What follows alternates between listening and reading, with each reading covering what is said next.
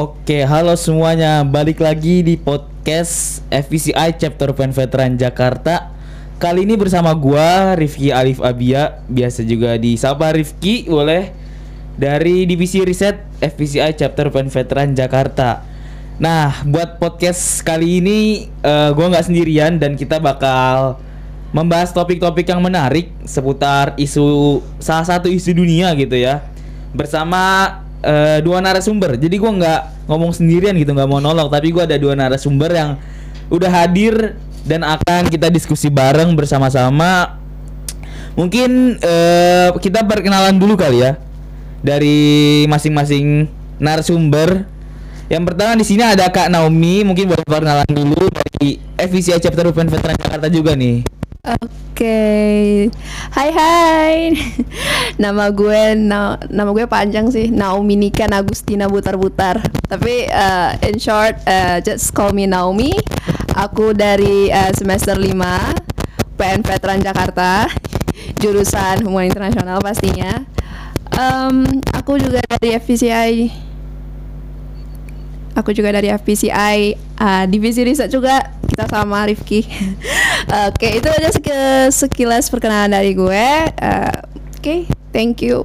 Oke, you. salam kenal juga nih kenal. buat teman-teman juga. Eh, ini sebenarnya Kak Naomi ini di satu divisi sama gua di divisi riset di FPCI chapter UPN Veteran Jakarta. Nah, selanjutnya ada eh narasumber lain. Tapi kali ini bukan dari UPN Veteran Jakarta, melainkan dari chapter Binus dan sini juga ada udah hadir Kak Tama mungkin boleh disapa dan kenalan dulu nih Kak Tama. Oke, halo halo semuanya. Eh, perkenalkan, eh, nama gua nama gua Demetrius Aditma Pangestu. Dipanggilnya Tama. Dari FVCI Chapter Binus University dari Divisi Research and Development. Oke, salam kenal juga nih buat Katama dan kebetulan banget hari ini kita eh, baru pertama kali ketemu juga ya walaupun sebelumnya sudah sempat meet. Eh, pertama kali ketemu langsung bikin podcast mantep juga nih ya. Mantap. Yang penting ya kita ngalir aja diskusinya buat kali ini. Mungkin gue jelasin dulu kali ya kalau kali ini tuh eh, FPCI khususnya di divisi riset dari di chapter Open Veteran Jakarta itu mengadakan program Join Reset yang di mana merupakan salah satu program eventual atau tahunan dari divisi riset chapter Open Veteran Jakarta.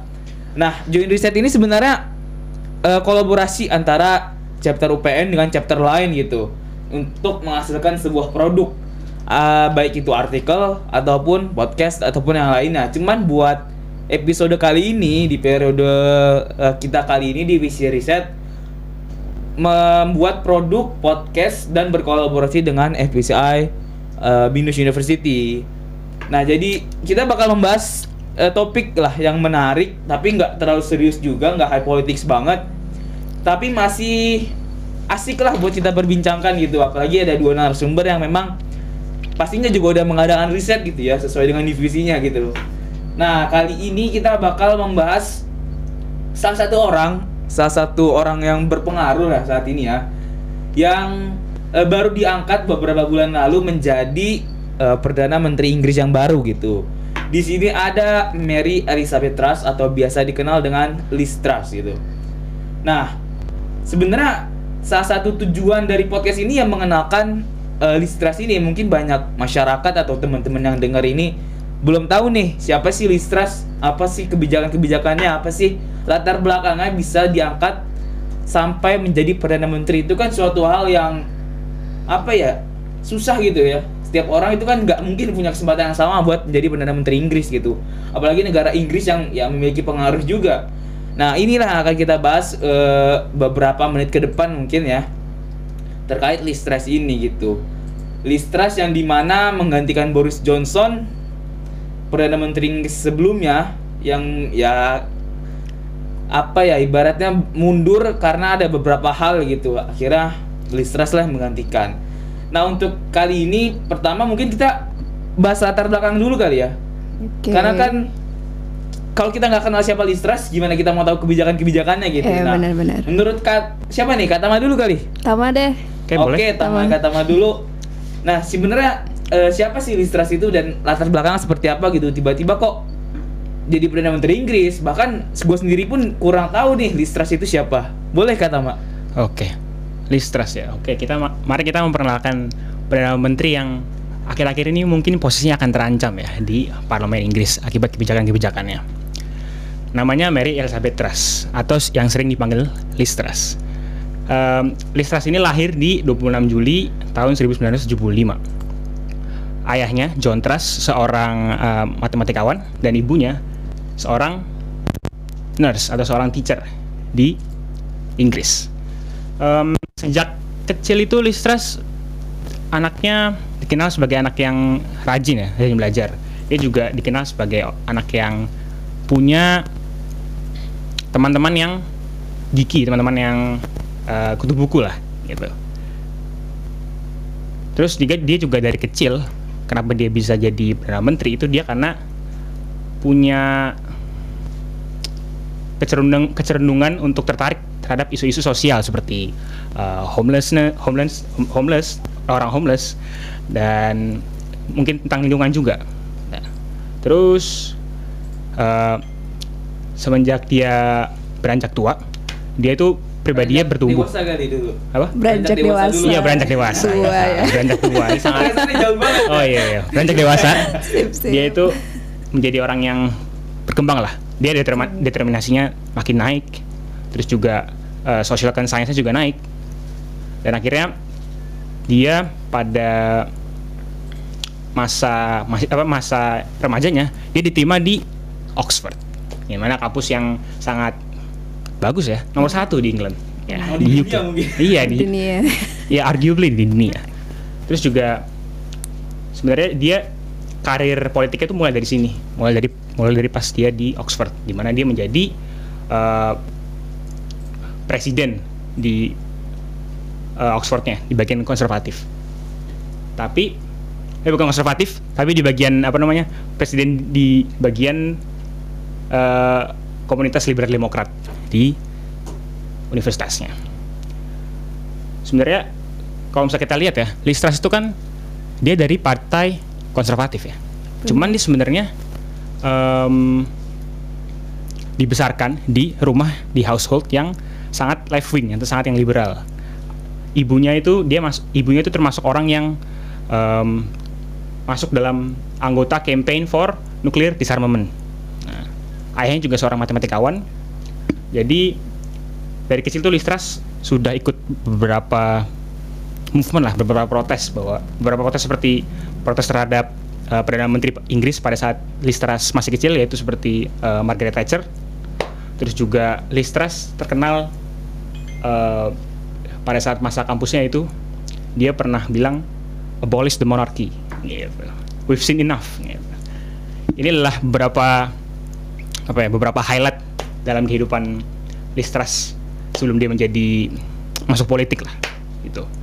Cuman dia di tahun 9- 1996 dia tiba-tiba ganti pijakan gitu loh, ganti arah, Ganti alur ya. Ah, ganti alur kehidupan dari yang tadinya dia di Partai Liberal Demokrat Lib Dem menjadi partai konservatif. Konservatif. Nah, di, di karena karena apa? Karena aktivitas apa namanya? Karena tin- tindakan yang diambil Liz Truss ini banyak teman-temannya termasuk anggota keluarga itu sangat shock ya, apalagi bapaknya yang mungkin hubungannya dengan Liz Truss tuh sampai sekarang itu eh, nggak sebaik dia pas masih masuk liberal demokrat.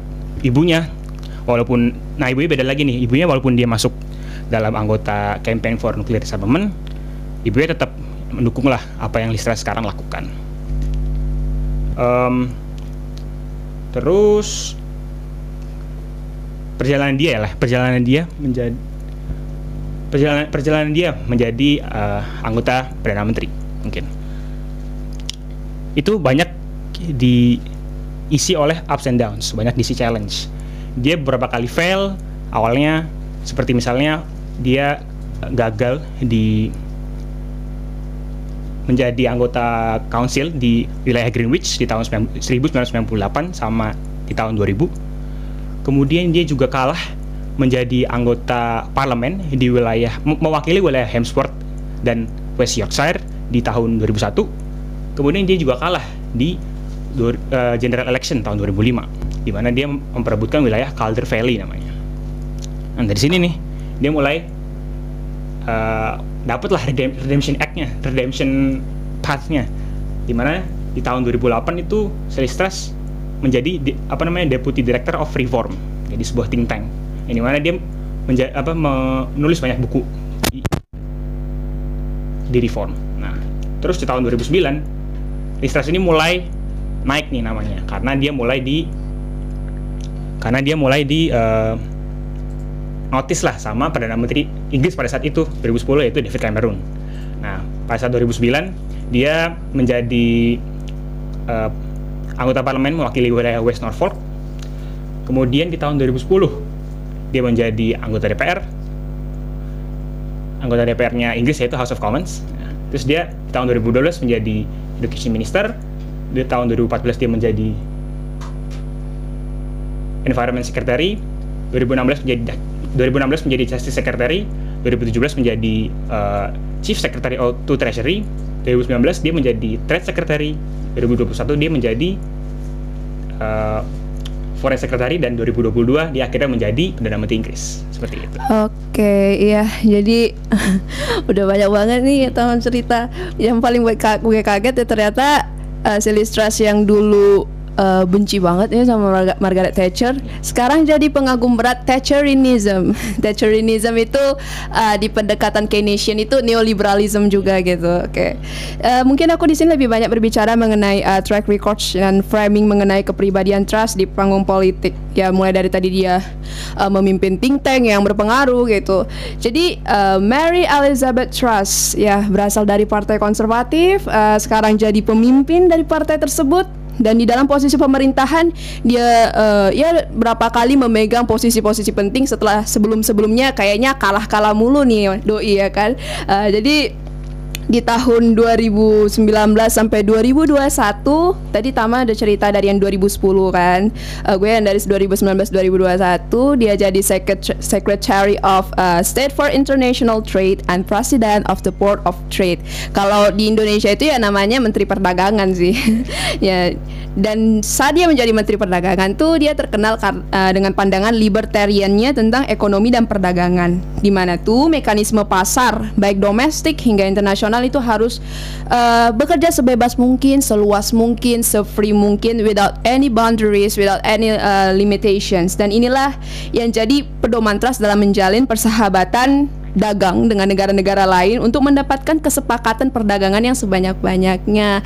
Tapi ini dikritik oleh partai oposisi di Inggris. Kalau di kita partai oposisi apa sih? PKS ya. PKS Demo, Demo- Demokrat, Demokrat ya. Kalau di sana itu uh, Partai Serikat Buruh namanya. Jadi ya memang konservatif ini memang mm, kontras, kontra banget sama uh, Partai Buruh. Kontras banget sama Partai Buruh. Partai Buruh mengkritik uh, Listras lu uh, ngejalin persahabatan dagang dengan banyak negara tapi dengan uh, di kawasan sendiri lu itu problematik, dilematik. Apalagi secara pasca referendum Uni Eropa, pasca Brexit gitu. Itu perjanjian dagang uh, dengan Uni Eropa masih belum diperbaharui, perbaharui sampai sekarang waktu pas Listras masih menjabat sebagai Menteri Perdagangan yang selama dua tahun itu gitu. Uh, malahan cenderung melanggar gitu seperti kayak protokol Irlandia Utara kan itu kan ada kesepakatan aturan perdagangan aturan main itu cenderung dilanggar. Eh, jadi bahkan dia mengancam pengen mengubah undang-undang. Nanti nanti kita mungkin bicara lebih lanjut ya lebih luas mengenai protokol Irlandia Utara. Oke, dan yang paling lucunya ini ya, itu bukan ternyata bukan dari partai buruh doang tam yang eh, apa yang kritik dia, dari partainya sendiri malahan juga ada yang kritik dia.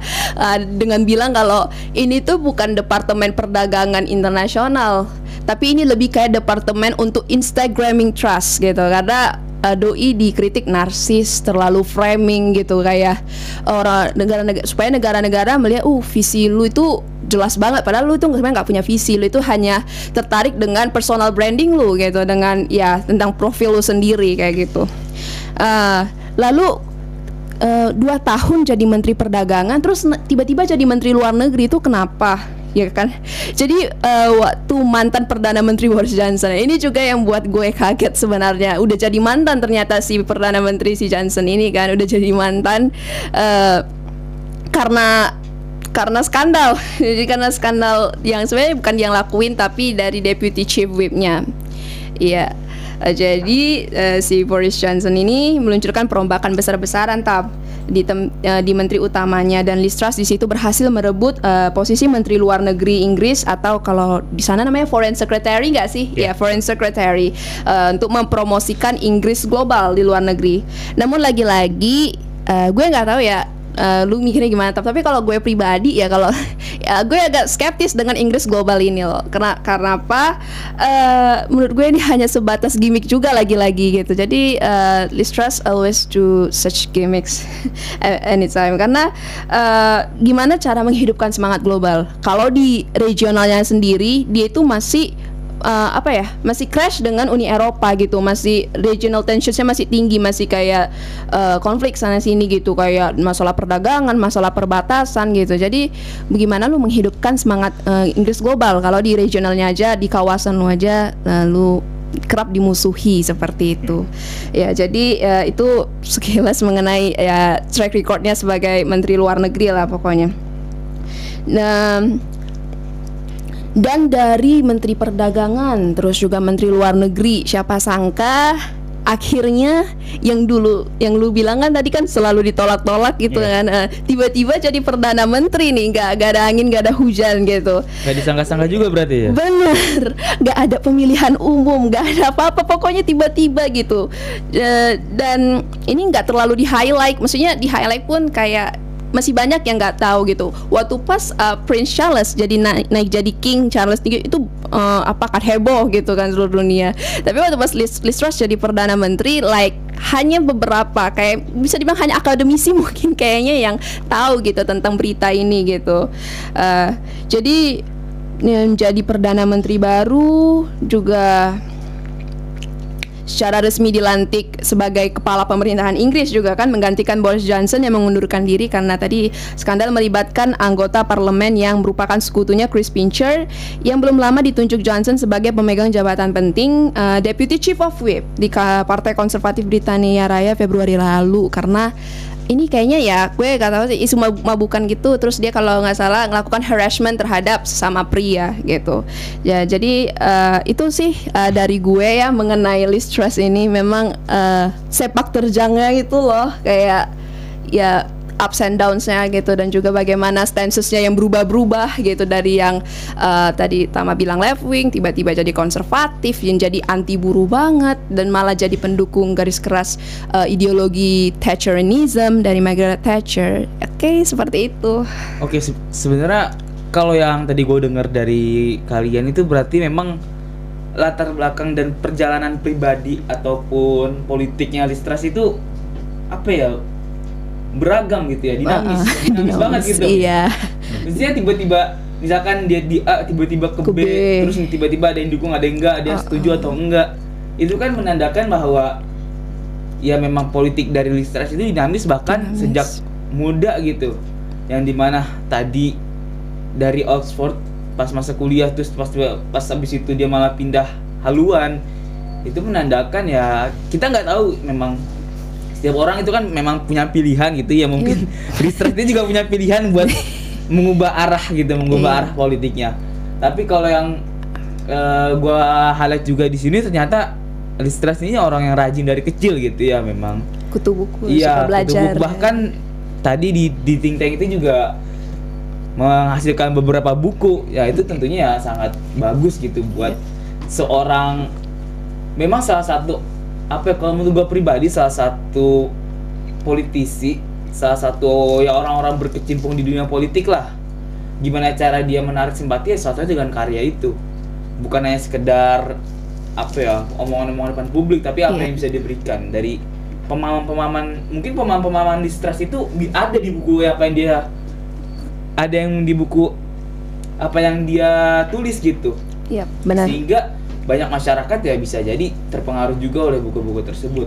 Itu sih yang memang menarik dari distrust apalagi perjalanan politiknya juga cukup panjang. Mhm. dari men- dari menteri perdagangan menteri luar negeri ah, sampai sekarang bahkan diamanahkan jadi perdana menteri gitu. Perdana nggak tahu diamanahkannya apakah seluruh warga Inggris setuju atau enggak juga nggak tahu gitu. iya, kan iya. tapi intinya dia sekarang udah Ud- naik gitu jadi iya. perdana menteri Inggris. nah tadi kan kita udah ngomongin latar belakang dan karakteristik dari Liz Truss nih. Pas masih kecil sampai sampai kasar sampai dia terpilih jadi perdana menteri lah. Bagaimana sifat dia bagaimana arah politik dia yang dinamis itu memang bisa dikatakan nggak tebak lah dari latar belakangnya gitu. Berbagai macam faktor yang ada di belakangnya dia tuh kan kita juga nggak tahu secara detail gitu. Tapi pada dasarnya sekarang sudah jadi perdana menteri. Ibarat kata nasi sudah menjadi bubur lah. Mau nggak mau harus jalanin Liz Truss pun dan masyarakat Inggris pun ya mau gimana harus terima gitu Iya. kecuali ya nanti ada hal-hal yang bisa menjatuhkan itu kan berbeda Nah, ketika menjadi perdana menteri atau menjadi sebuah pemimpin di suatu negara tentunya kan punya tantangan ataupun strategi nih Yes. dalam menentukan arah politik negara atau perdagangan negara, ekonomi negara itu seperti apa, mau bagaimana.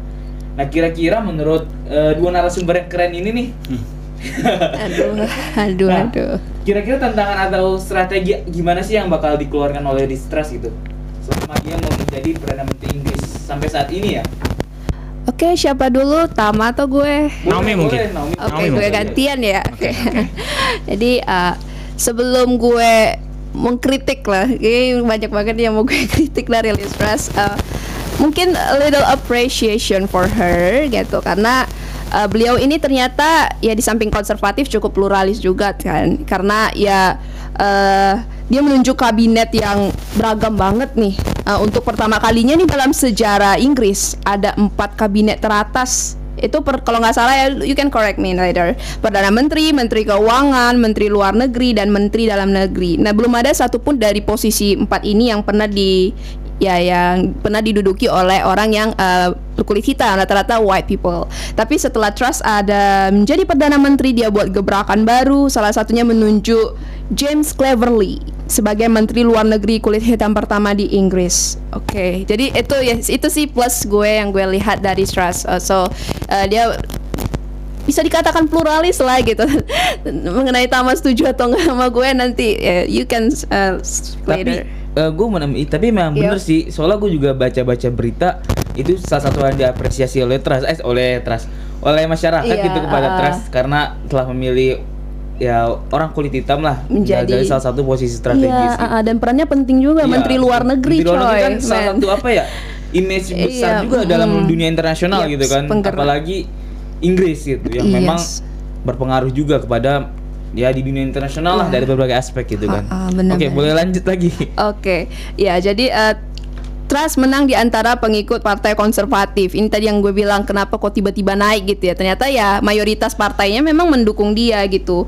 Jadi dia berhasil ngalahin Rishi Sunak. Rishi Sunak ini eh, mantan mantan Menteri Keuangan Britania Raya yang juga merupakan anggota parlemen konservatif. Dan kalau berkaca nih dari track record Doi yang merupakan garis keras eh, konservatif eh, juga dulu men- menjabat sebagai dari Secretary of Trade terus juga Foreign Secretary. Itu tadi yang gue bilang dia ini sepertinya memegang prinsip-prinsip eh, Thatcherism. Thatcherism itu ideologi eh, eh, ada sih itu di pendekatan Keynesian gue juga kan semester 5 ya masih belajar tentang pendekatan Keynesian neoliberalism dan itu ada Thatcherism ini yang digagas oleh Margaret Thatcher eh, perdana menteri Inggris pertama perempuan perempuan pertama yang jadi perdana menteri di Inggris yang juga dijuluki sebagai Iron Lady Udah lama ya, 11 Iya, tahun. Iya. 11 tahun. 11 tahun, benar. Dari tahun 79 sampai 90. Jadi Thatcherism ini ideologi yang cenderung percaya pada keunggulan persaingan dan pasar bebas dan memiliki ketidakpercayaan yang mendasar terhadap kekuatan pemerintah. Jadi kayak skeptis terhadap kekuatan pemerintah, lebih kayak mengagung-agungkan pasar bebas gitu. Dan eh, Thatcherism ini juga percaya kalau hak individu memiliki kebebasan untuk menentukan hidup mereka sendiri selama mereka tetap dalam batas-batas tertentu. Nah, karena alasan inilah Thatcherism juga disebut sebagai neoliberal as I said gitu kan. Eh, Bagaimana kok bisa sih gue bilang di- itu Thatcherism? Gue nganalisisnya dari ini sih waktu pas dia mengintervensi krisis lonjakan tagihan energi di Inggris. Ini yang lagi rawan-rawannya banget nih kan. Yang sebagian besar itu berasal dari dampak eh, invasi Rusia ke Ukraina. Jadi krisis energi di mana-mana termasuk di Inggris. Namun ini yang eh, lucu sih gitu karena sebagai strategi untuk mengatur Inggris saat ekonomi lagi down banget, terus juga energi juga lagi krisis banget, dia malah mengadopsi pemikiran murni Thatcherism yang sama dengan bunuh diri politik kalau gue bilang. Karena lu bayangin aja Tam, gue lu bayangin ya, kita bayangin bareng-bareng ya. Oke.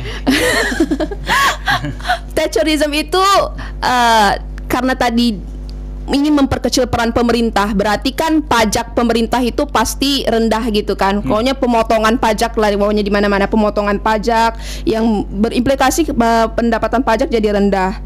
Jadi nggak bisa terlalu diharapkan dari pajak gitu untuk menunjang eh, kehidupan atau ya untuk membantu mereka dalam eh, overcome the energy crisis gitu kan.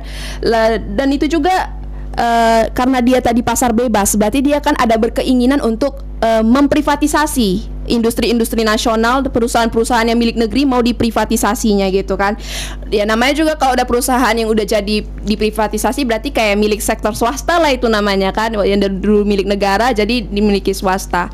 Yang pastinya nggak akan bergerak berdasarkan kepentingan negara, kebutuhan negara, kepentingan nasional gitu. Jadi ya bodoh amat gitu, krisis lu krisis sana gitu kan. Yang penting eh, perusahaan gue ya bakal memperkaya diri gitu dan nggak bakal mau ngedengar ya ngedengar ini ngedengar aspirasi masyarakat nggak bakal eh, menampung juga apa sih yang dibutuhin pemerintah apa sih yang dibutuhin Inggris ya bodoh amat gue kan gitu ya.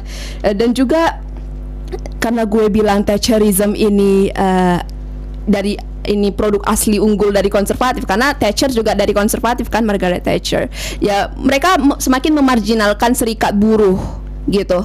Dan memarginalkan serikat buruh buruh itu di mana-mana rentan ya. Kayak gue kasihan gitu loh di, di Indonesia di negara-negara kalau udah buruh namanya dimarginalkan itu sebenarnya kegagalan kegagalan suatu negara gitu dalam ya dalam demokrasi suatu negara itu adalah kegagalan. Karena lu nggak bisa eh, menampung eh, ya pokoknya eh, kebijakan lu fasilitas lu nggak bisa menampung aspirasi atau kebutuhan para para serikat buruh gitu. Apalagi dengan adanya krisis pasti mereka makin rentan pasti makin rentan dengan krisis ekonomi krisis energi gitu. Pasti menderita banget gitu loh. Aduh gitu kayak dan musim dingin makin dekat. Ah, bentar lagi Desember eh, akhir tahun. Musim salju. Kalau kita kan Indonesia ya cuma dua musim ya. Kalau di Inggris kan ada musim salju nggak sih Tam?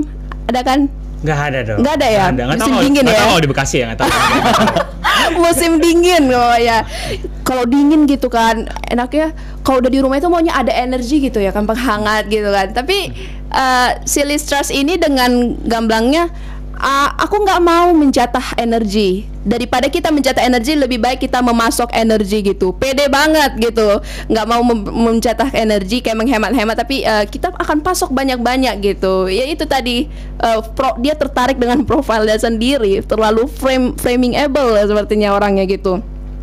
Dan yang paling gue ngakak eh, mau mengembangkan renewable energy katanya. Dia cara dia memotong pajak memotong eh, retribusi itu ya itu karena dia mau ini mau mengembangkan katanya ya itu tadi impiannya untuk mengembangkan renewable energy. Energi terbarukan yang pastinya prosesnya rumit bukan nggak makan berhari-hari berbulan-bulan tapi bertahun-tahun dan berwindu-windu dan dengan dana yang nggak banyak. Dari mana dananya ya?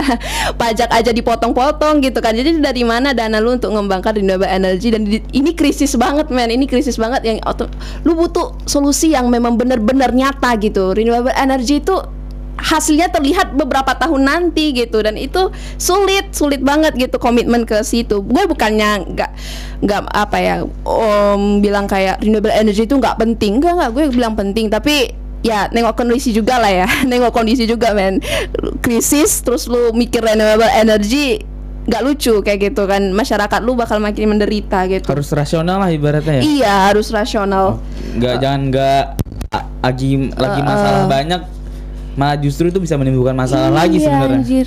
Dan krisis energi ini sebenarnya bukan cuma jadi krisis di energi doang, tapi merambah nih ke sektor ke mana-mana gitu. Tahu kan Inggris kan negara G7 kan? Iya. Ah, Iya, jadi eh, IMF sendiri bahkan dengan eh, tegasnya bilang Inggris kalau kalian tetap seperti ini tahun depan kalian mungkin bisa menjadi negara yang paling rendah negara terendah eh, pertumbuhan ekonominya di G7 gitu kalau kalian tidak membenahi ini karena memang inflasi Inggris ngeri juga gue baca dapat poin sembilan Iya. inflasi Iya. di tahun tahun ini kali. Ah, ah. Di bulan ini maksudnya. Iya. 9.9 itu Sembilan karena poin sembilan. tadi banyak apa naiknya fu- naiknya harga fuel, Ah, ah. terus uh, naiknya harga energi, Iya. terus juga sama em, naiknya harga makanan dan minuman. Astaga, itu yang astaga. mempengaruhi uh, naiknya inflasi di Inggris. Yes. Tinggi banget. 9,9 itu tinggi gitu. Kalau terus-terusan begini. ah, ah. Eh, apa namanya? Batas wajar inflasi sebenarnya 2% loh. Jadi kalau misalnya 9% di atas 2% tuh Itu udah berkali-kali lipat Parah dia. banget, makanya. Parah banget ya. Cuma masih jauh sih sama Venezuela yang udah ratusan persen ya. Itu Iya. Venezuela Wah, iya, ratusan persen. Venezuela udah terlalu Tapi parah tetap itu. tinggi sih 9,9 itu tetap tinggi. Tinggi. tapi- Apalagi ukuran Inggris gitu. Dia negara great pow- great power kok bisa sih kecolongan sampai sebegitu besar gitu rate inflationnya. Apalagi kan ini memang sebenarnya dilematik sih. Ada konflik juga yang di Eropa, ada juga COVID-19 gitu. Jadi berkecamuk sebenarnya domestic crisis di Inggris ini gitu. Tapi dia malah pengen memotong pajak, malah ini kekeh dengan pendekatan konservatif eh, si Margaret Thatcher gitu, potong pajak, privatisasi gitu. Jadi ini nggak nggak ini sih Iya. Dan akhirnya Listras juga apa namanya? Me, itu sih me- mendapat akibatnya dari aksi-aksi ini. dari aksinya ya. Dari apa namanya? Dari poll, dari apa namanya? Politika Party Poll itu ah. di hari kemarin itu eh, apa namanya? Lab- Labor Labor Party Labour itu Party. posisinya lebih di atas daripada konserva- konservatif. Kalau nggak salah tuh Labour Party sekarang gara-gara ada chaos di marketnya Inggris Iya. itu approval rate-nya itu 52%. Wow. Sementara eh, konservatif party itu approval rate-nya itu kayak 20-an. Turun banget. Turun banget Nah, ya. ini kan sangat berbahaya nih Sangat untuk apa namanya? posisi dia ya. posisi dia apalagi nanti kalau misalnya. Inggris udah mau ada general election di tahun 2025 Januari. Nah, itu emang eh, apa ya? Emang blunder banget sih Blunder banget, Listras yang hmm. energi ini. Ya, itu domestic crisis ya. Kadang kita ke uh, regional tensions, regional tensions. Mungkin uh, Tama nih, maksudnya uh, gue pengen tahu sih maksudnya uh, view lu gitu tentang protokol Irlandia Utara gitu. Ini yang jadi kayak konflik gitu antara konflik utama sebenarnya sih antara Inggris dan Uni Eropa. Pro- protokol Irlandia Utara. Oke, tentang protokol Irlandia Utara Iya, ya. uh, uh.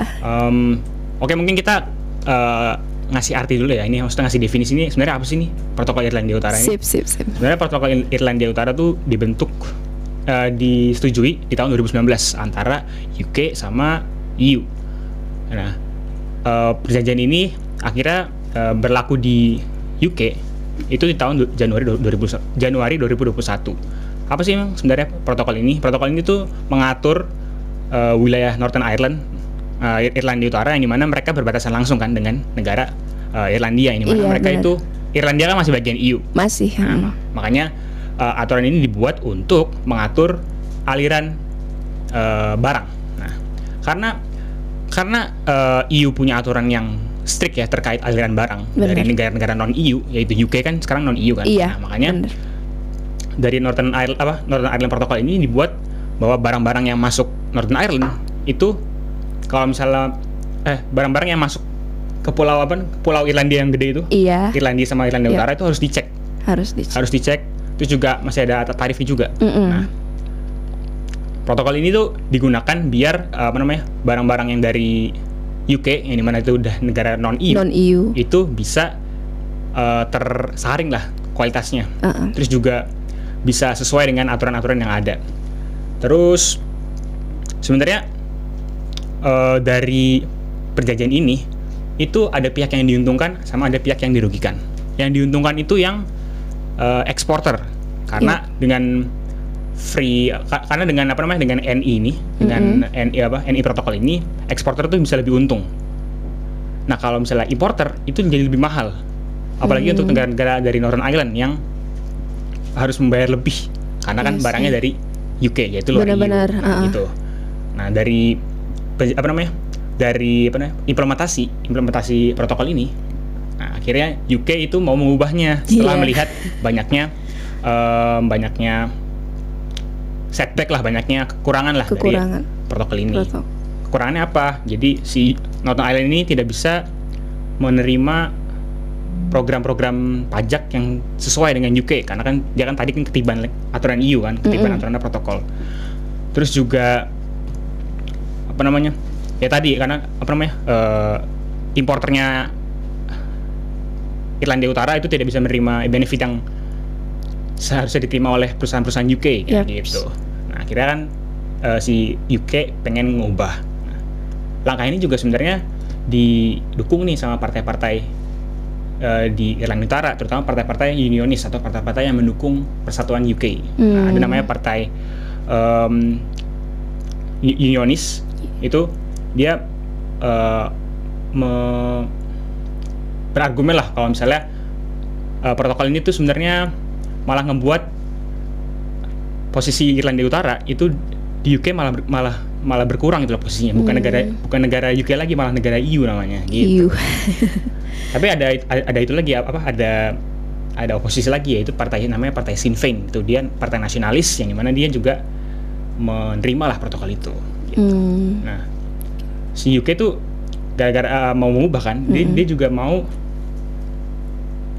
uh, mengancam lah, bahkan mengancam Mengancam, si ya. EU buat nge-trigger namanya artikel 16 di protokol itu. Yap. Nah, artikel 16 itu uh, artikel yang berisi tentang mekanisme yang di mana kalau misalnya UK itu merasa protokol itu udah gak sesuai sama kebijakan uh, politik ekonomi sama sosialnya, UK itu bisa ngebuat mekanisme sendiri.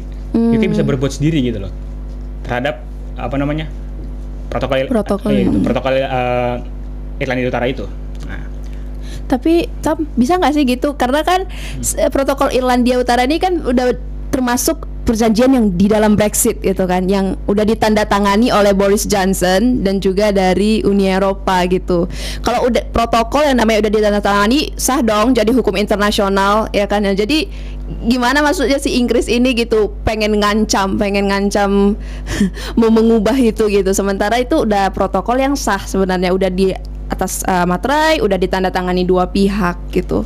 Jadi gimana cara dia ngancam itu gimana kayak gitu? jadi Kayak seru- jadi sebenarnya emang jadi sebenarnya emang backlash banget sih. Iya. Uh, apa namanya Boris Johnson ini sebenarnya kan yang yang nanda tangan kan Boris Johnson, Ah, ah, tapi benar. yang mau ngubah juga Boris Boris Johnson lagi. Iya. Dari mana itu ngebikin backlash sendiri di uh, partai-partai sendiri. Iya, benar. Cuman uh, suksesornya Liz Truss itu juga sebenarnya dia juga uh, mau nih ngelanjutin protokol ini. Hmm, dia kan garis Aha. garis apa kan garis keras pendukung Brexit benar kan. benar nah pada saat Liz Truss ingin melanjutkan apa namanya melanjutkan perubahan terhadap protokol Irlandia Utara dia juga di- dikritik karena dia, dia tidak apa namanya ber berlaku sesuai dengan hukum internasional Iya, benar. di salah satu interviewnya juga pernah Liz Truss di interview kenapa sih UK mau mengubah protokol ini padahal ini juga ini padahal ini eh, ngelanggar hukum internasional. Nah, Iya. Si Liz Truss bilang saya yakin negara ini eh, melakukan ini dengan sesuai eh, hukum internasional. Oh. Dia tapi dia tapi dia tapi nggak nggak apa namanya nggak mengatakan apa alasan spesifiknya gitu loh. Ah. Kenapa bisa sesuai dengan hukum internasional? Iya Nah, gitu. Karena perlakuan UK ini si eh, Eu- European Union itu marah kan ya, pasti marah. kan? Marah lah. Kan apa namanya hukum internasionalnya di eh, dilanggar. dilanggar, bahkan diancam mau ngubah undang-undangnya gitu kan. Makanya, Hmm. si EU ini juga walaupun dia marah, tapi dia juga sadar gitu loh kalau misalnya protokol ini itu emang ada setbacknya, ada kurangannya. Benar. Maka dari itu mereka sekarang itu walaupun apa ya, walaupun prosesnya itu tidak terlalu tangible, tidak, tidak terlalu kelihatan, Iya. itu UK sama EU sekarang mulai uh, mencari badan independen lah Hmm. untuk menyelesaikan masalah ini. Jadi bukan pengadilan Eropa lah ya, yang bukan- bukan pengadilan Eropa. badan independen biar lebih netral gitu Benar, kan benar. negosiasinya. Cuman badannya apa? Gak tahu. Kita nggak tahu. Kita tidak ada yang tahu. cuman cuman eh, akhir-akhir ini masalah Brexit masalah protokol Irlandia Mm-mm. Utara itu kalau misalnya kita lihat eh, politiknya politik domestiknya UK Mm-mm. itu kan sekarang lagi chaos banget ya Wah, kayak banget. jadi eh, masalah Brexit itu kalau misalnya di list itu 10 mungkin di bawah 10 jadi nggak masuk nggak masuk priority list gitu loh jadi yang masuk priority list itu masih masalah-masalah domestik kayak misalnya Masalah energi krisis Krisis. gitu sih Oke. Oke, sebenarnya tadi ada beberapa pembahasan sih yang gua soroti gitu ya. Mulai tadi yang pertama dulu mungkin ya, gua penasaran lebih lanjut ini terkait yang tadi blunder gitu, blunder yang di- mungkin dianggap blunder dari Listras kepada buat Iya. dirinya sendiri gitu yang tadi Mm-mm. masalah dengan buruh buruh gitu apalagi tadi rate-nya naik kan dan itu bisa menjadi ancaman nanti Listras pas eh siapa itulah konservatif ketika memang ada pemilihan gitu kan cuman Yes. buat jangka dekatnya gini gitu jangka pendek lah mungkin beberapa bulan ke depan sebenarnya apakah tadi itu bisa maksudnya sampai dampak langsung dari rate buruh itu yang melawan Listras Uh-uh. itu sebenarnya dampak pendeknya itu ada gak sih itu kan nanti dampak panjang tuh bisa berpengaruh pada konservatif yang bisa aja kalah nanti di pemilu kan cuman buat dampak pendeknya kepada konservatif dan Listras itu apa Eh, Oh, mungkin gue dulu ya mungkin. iya Mungkin untuk dampak pendeknya ya, Listras tuh bakal ya pasti kalau misalnya ada pertemuan parlemen gitu, itu pasti bakal diserang terus. Nah, serang, serang terus kenapa si Listras tetap apa namanya menjalankan kebijakan ini di Mm-mm. eh, di di tengah masalah domestik di UK iya seperti itu. Terus juga mungkin kalau misalnya dampak pendeknya ya, dampak pendeknya itu oh ya tadi tentang eh, protokol Irlandia Utara itu gue lupa ngejelasin tentang Greenland sama Redland. Oh I know I know Oke coba Greenland. Oke, Greenland oke, sama Red Line. oke. Wait, Great Greenland and Red Line. Jadi kalau uh, Red Line itu yang kayak ini enggak sih Tam? Nanti lo koreksi deh kalau gue salah ya kan. Nah, barang-barang yang masuk itu uh, itu menurut Inggris itu adalah barang-barang yang wajib diawasi gitu, mm, dicek gitu kan, double check mengenai dokumennya segala macam.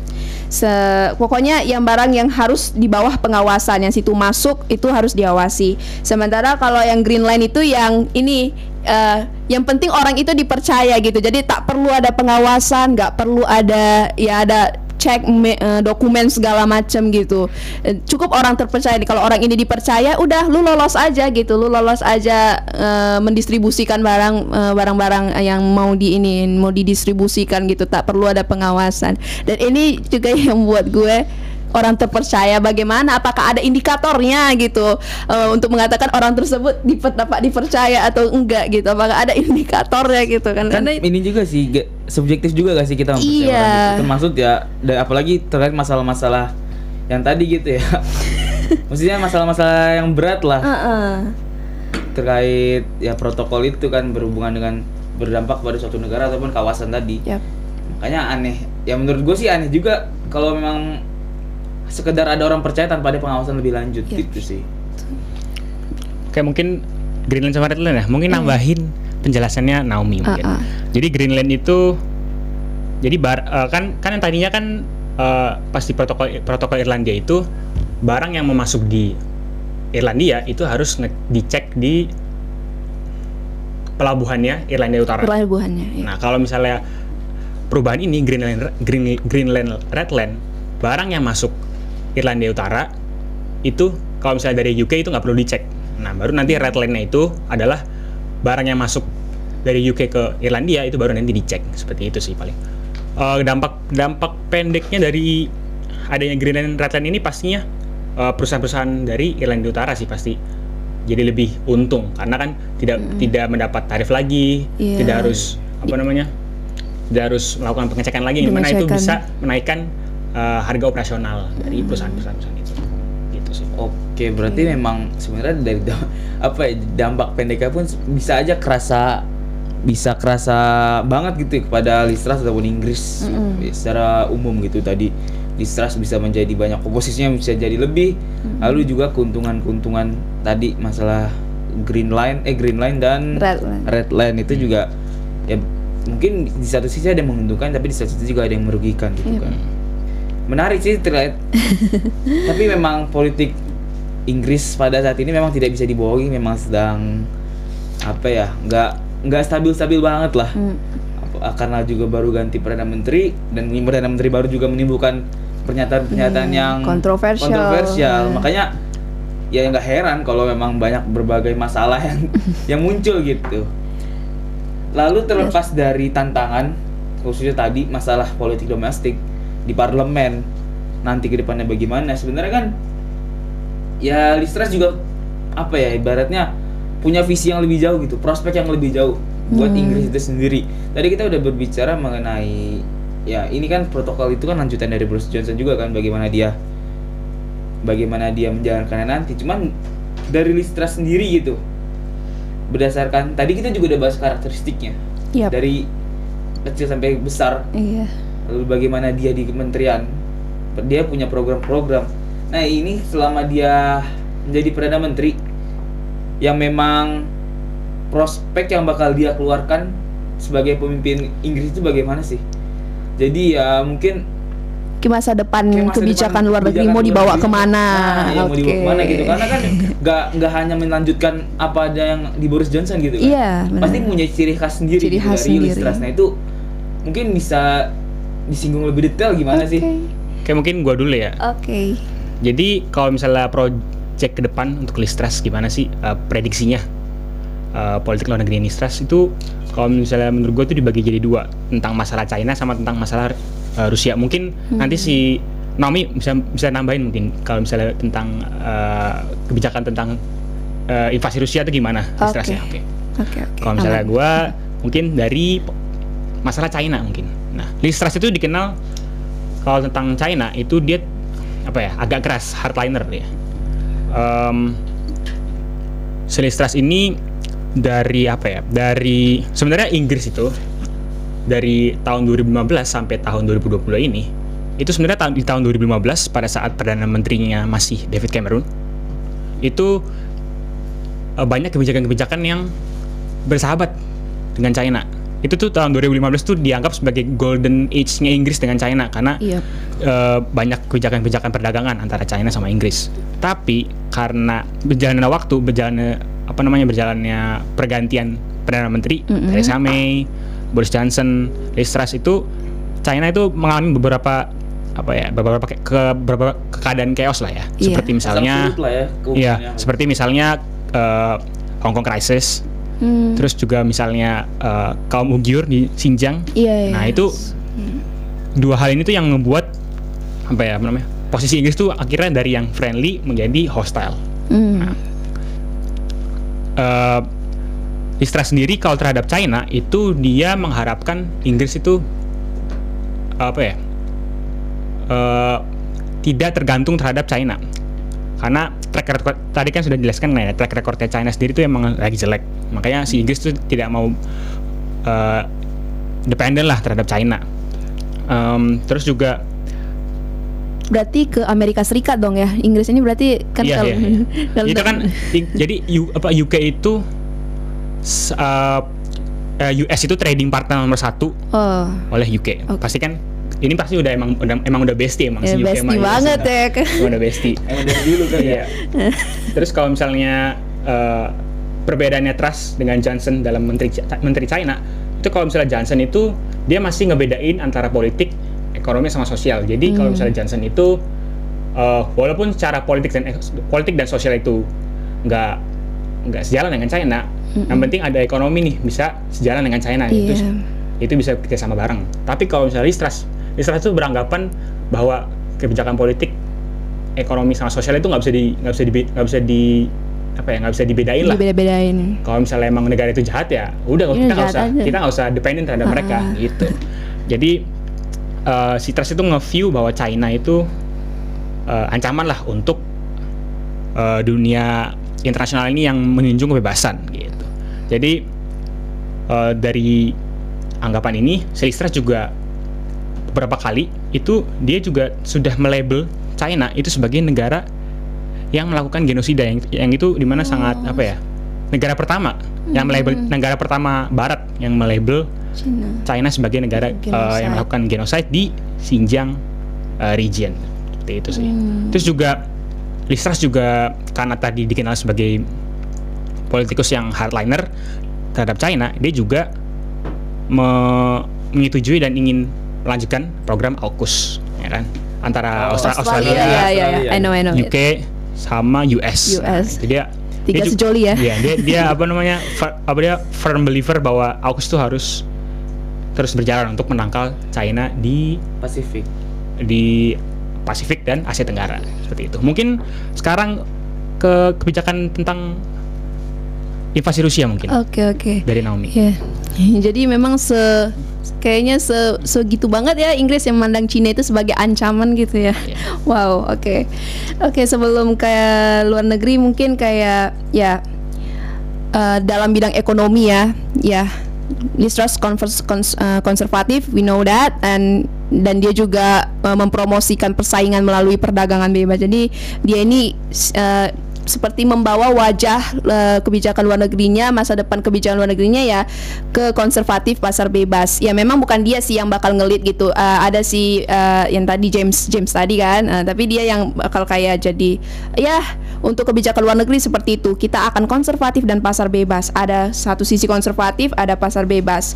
Ya em, konservatif sih memang nggak selalu memandang kalau eh, eh, apa pasar bebas itu bisa menyelesaikan masalah. Tapi tokoh konservatif seperti Liz Truss itu eh, yakin bahwa pasar bebas biasanya akan menghasilkan hasil yang lebih baik daripada kebijakan yang diatur oleh pejabat pemerintah yang tidak memikirkan preferensi individu.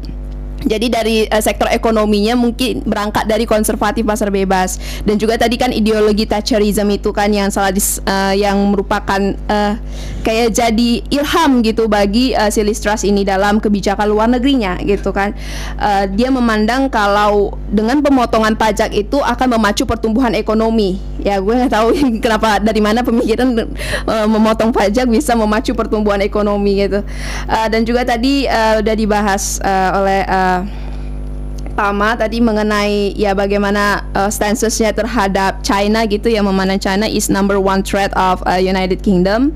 Uh, Truss juga mungkin melihat uh, urusan global ini sebagai panggung untuk ajang menunjukkan teknik kepemimpinannya. Kayak tadi yang gue bilang narsis gitu demi mengalihkan perhatian sebenarnya demi mengalihkan perhatian internasional dari krisis domestiknya. Karena kan udah banyak tuh beredar berita-berita bagaimana ya krisis energi di Inggris lagi ya lagi kacau-kacaunya gitu. Jadi sebenarnya cari panggung sih termasuk dari cara dia yang menarasikan uh, Cina itu sebagai uh, ancaman uh, bagi ya ancaman bagi Inggris gitu. Itu sebenarnya narasi kalau kalau di mana gue. Karena uh, itu mengalihkan itu pengalihan isu dari uh, domestic crisisnya gitu supaya internasional oh, oh satu mata lagi-lagi membuat Cina sebagai tokoh antagonis gitu Nah, untuk untuk menjadikan untuk ngarah ngeframe ke situ juga gitu jadi supaya jangan dilihat keburukan Inggris gitu padahal Licik sih guys itu. Eh, eh, tricky banget. Udah terus juga eh, karena ini tadi kan kebijakan kebijakan luar negeri. Ya, tadi lu nanya kebijakan luar negeri kan, berarti not limited to Eropa kan? Iya, Ya, ya, gue bakal bahas yang tadi kayak mengenai Rusia dan China ya. Eh, sebelum Rusia dan China mungkin eh, gue bakal jelasin kayak eh, bagaimana Inggris ini menunjukkan wajah luar negerinya di luar kawasan, di luar kawasan Eropa. Eh, terlihat dari kalau udah namanya Cina, eh sorry, eh, Inggris bestian dengan Amerika, otomatis Inggris bestian dengan Israel. Seperti itu ya. Bener sih, Seperti bener, itu, bener. karena gue nggak salah ya. Eh, jadi Truss m- dengan tegas menyuarakan untuk memprioritaskan hubungan dengan Israel itu adalah suatu hal yang sangat penting bagi Inggris gitu. Yang terpenting ini ini sebenarnya bikin emosi sih sebenarnya. Truss mengatakan dia ada rencana untuk memindahkan kedutaan besar Inggris dari Israel ke Yerusalem. Sabar, sabar. Dari Israel ke Yerusalem. Iya, karena Kota apa Israel? Eh, Tel Aviv. iya, Tel Aviv ke Yerusalem. Eh, iya. Oh. Jadi eh, Yerusalem itu ya dia dia sependapat dengan Trump kan yang Oke, bilang kalau eh, Yerusalem itu ibu kota Israel begitu. Jadi mau memindahkan kedutaan Inggris ke situ gitu. Nggak tahu lah pengimplementasiannya bagaimana gitu. Waduh. ini. Terus juga bilang kan dia mau melakukan segala daya untuk menghentikan eh, apalagi musuh Amerika selain ini selain Cina, Iran. Hmm. Jadi terus juga pengen eh, menghentikan Iran membangun senjata nuklir dan juga eh, ya pokoknya dia pengen mengambil sikap yang lebih keras terhadap Teheran daripada para pendahulunya. Ya nggak tahu gimana ke depannya tapi kalau dilihat ya Truss ini tokoh konservatif yang sangat radikal melebihi Boris. Seperti tadi yang lu bilang kan kalau Boris itu masih bisa nih memilah-milah. Man, eh, kalau ekonomi mah ya itu aja gitu jalan aja gitu. Tapi kalau politik kalau berseberangan ya udah gitu. Tapi kalau ekonomi ya tetep dong. Itu kan nggak nggak bisa di ini gabung-gabungin nah. Tapi kalau si Truss ini ya gitu tadi radikal banget gitu melebihi Boris Johnson. Padahal dari payung yang sama sama-sama konservatif gitu kan. Eh ya pokoknya dia menunjukkan bahwa Inggris akan selalu berada di posisi AS dalam ya dalam ini dalam stancesnya terhadap mengutuk perbuatan Rusia, mengutuk perbuatan Cina, pokoknya mengutuk perbuatan Iran gitu dan juga tadi eh, lu juga udah jelasin mengenai AUKUS kan pokoknya tiga sejauh ini mau memperkuat gitu, memperkuat eh, ya kerjasamanya terutama di bidang pertahanan. Eh, dan jadi tadi lu juga Rifki nanya perbedaan, eh, lu tadi ada nanya perbedaan gak sih? Perbedaan antara Boris dan eh, Truss? Gue boleh nambahin boleh ya? boleh Oke, boleh oke. tapi memang memang beda, sih Beda kalau sih, dilihat dari iya. tadi penjelasan Eh, eh. Dari mukanya beda. Eh, Iya, Mukanya iya, iya. jenis kelamin kan Oh, beda iya, ya iya, iya, lanjut lanjut lanjut Aduh, oke, Hmm, oke. Kalau trust itu eh, gimana ya bilangnya ya? Eh, Johnson sebenarnya bisa dibilang kurang berminat dalam bidang ekonomi. Ya memang dia eh, tetap, maksudnya itulah cara dia eh, bagaimana dia menunjukkan kalau ya dia kurang berminat mencampur-campurkan urusan sosial politik dengan ekonomi gitu. Jadi ya ya udah ekonomi berjalan seadanya gitu aja dan sikap pandangan ekonomi politik dia ini t- eh, Johnson ini sebenarnya kayak ngikutin tapi tadi Perdana Menteri sebelum Johnson Theresa May ya. Jadi dia kayak mengikuti pandangan pemikiran Theresa May ini, Perdana Menteri sebelum dia. Ya, jadi Theresa May, Boris Johnson, Liz Truss, panjang umur konservatif. ada nomor konservatif menarik konservatif semua nih gue gue tapi ya. beda-beda bisa beda-beda juga kan Iya misi ekonomi politik ya. Tapi Iya. Theresa May sama Johnson sebenarnya nggak terlalu banyak perbedaan gitu. Tapi si Johnson dengan si Liz Truss ini yang mulai nampak nih perbedaannya. Jadi Liz Truss ini walaupun konservatif ini, walaupun dia konservatif, tapi dia gimana ya? Ada paham-paham tertentu yang dia lebih radikal gitu. Contohnya cara dia memandang pajak itu peng, pokoknya dia paling apa bang lah paling heboh soal urusan ekonomi lah Truss. Kalau Boris Johnson ah udah dah let it flow. What it meant to be it will meant to be. Tapi kalau kalau si Truss ini ya pokoknya mengintervensi mulu nih urusan ekonomi gitu. Padahal sebenarnya kan ada menteri perdagangan gitu kan. Tapi dia kayak ya gue mau campur tangan banyak tentang ekonomi karena mungkin masih ke bawah mungkin ya. Dulu kan dia menteri perdagangannya iya, masih ke bawah sifat-sifat dia gitu. Eh, jadi ya itu tadi eh, dia itu memiliki penilaian yang mm, tidak sebenarnya tidak secara umum dimiliki para konservatif ter- terdahulu dalam memandang isu pertumbuhan ekonomi. Kalau dulu kan eh, memandangnya k- kalau konservatif itu kan misi utamanya itu ya ini maksudnya mem- bagaimana caranya ekonomi itu bisa dirasakan oleh semua eh, semua masyarakat gitu. Jadi ya caranya ya termasuk pengeluaran lewat pajak gitu. Jadi kalau dulu Boris Johnson itu memandang pajak itu masih penting gitu. Pajak itu masih penting eh, dan ya itu eh, masih ada pengeluaran-pengeluaran tertentu dari pajak untuk distribusi ya untuk memberikan bantuan yang nyata kepada masyarakat. Tapi Truss malah bilang kalau pajak itu malah menghambat pertumbuhan eh, ekonomi. Ya jadi itu sih jadi ya walaupun dia mendapatkan restu dari Boris Johnson dari sekutu-sekutu eh, ya sekutu-sekutu partai konservatif, tapi kalau bicara tentang pertumbuhan ekonomi, Liz Truss ini gue lihat sepertinya nggak akan continue sih,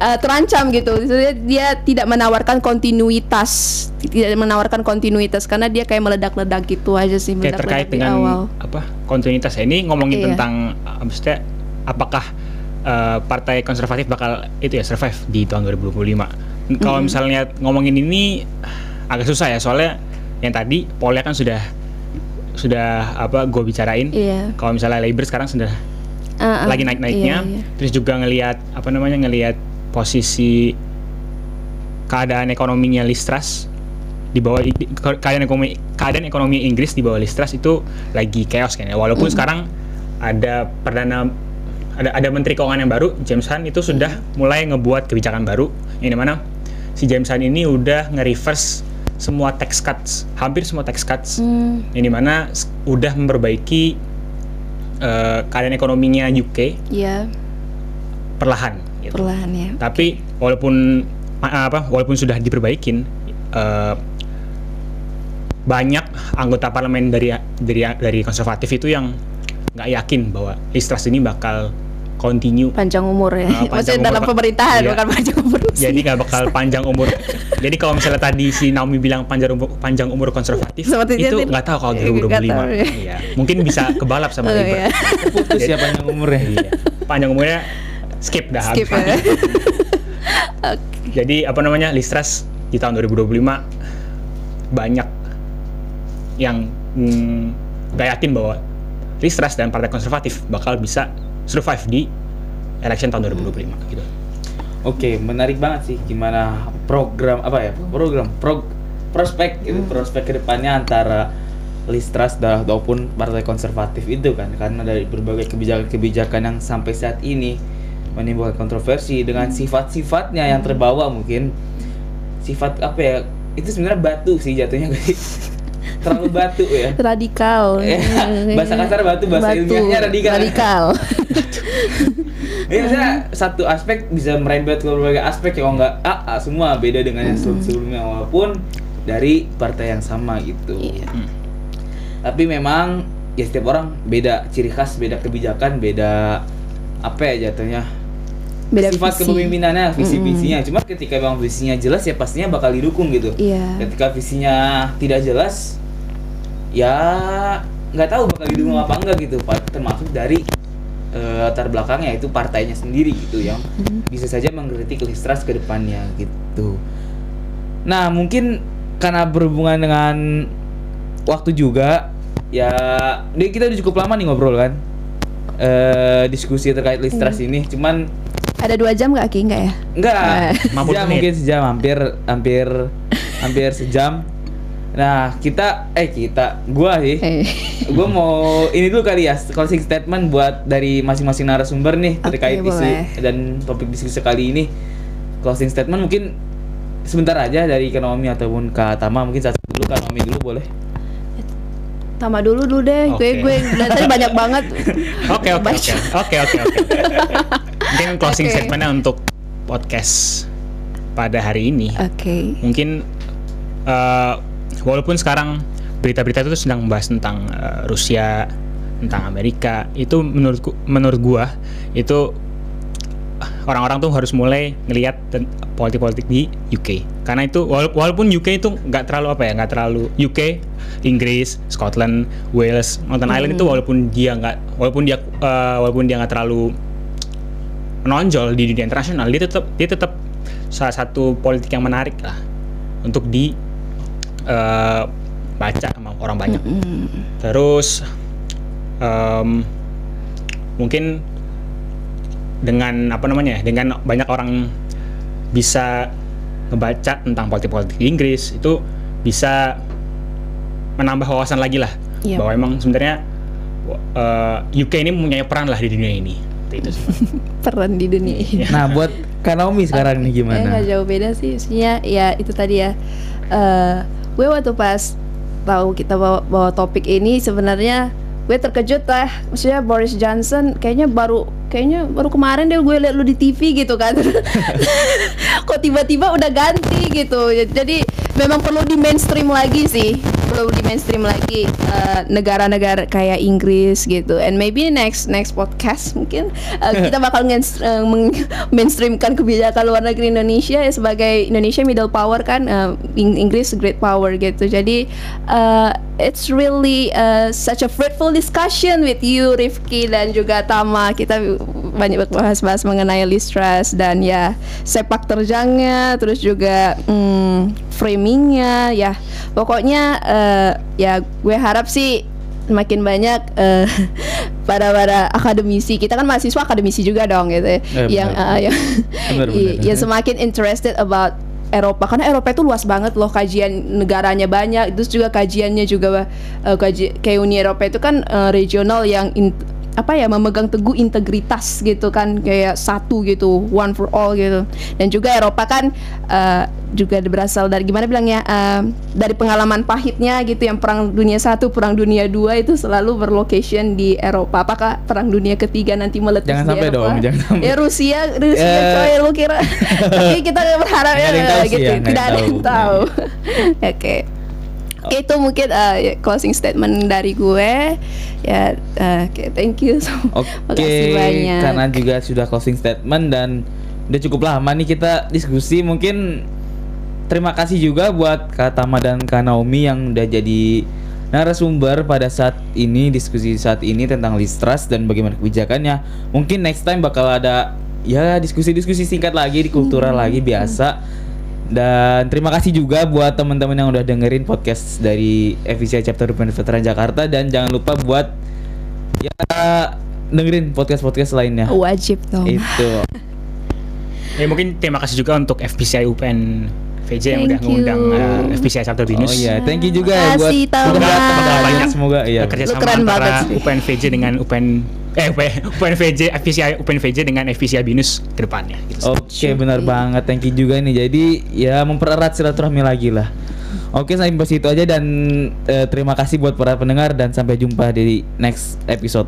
Bye bye. Bye bye. Thank you, bye-bye. Thank you all.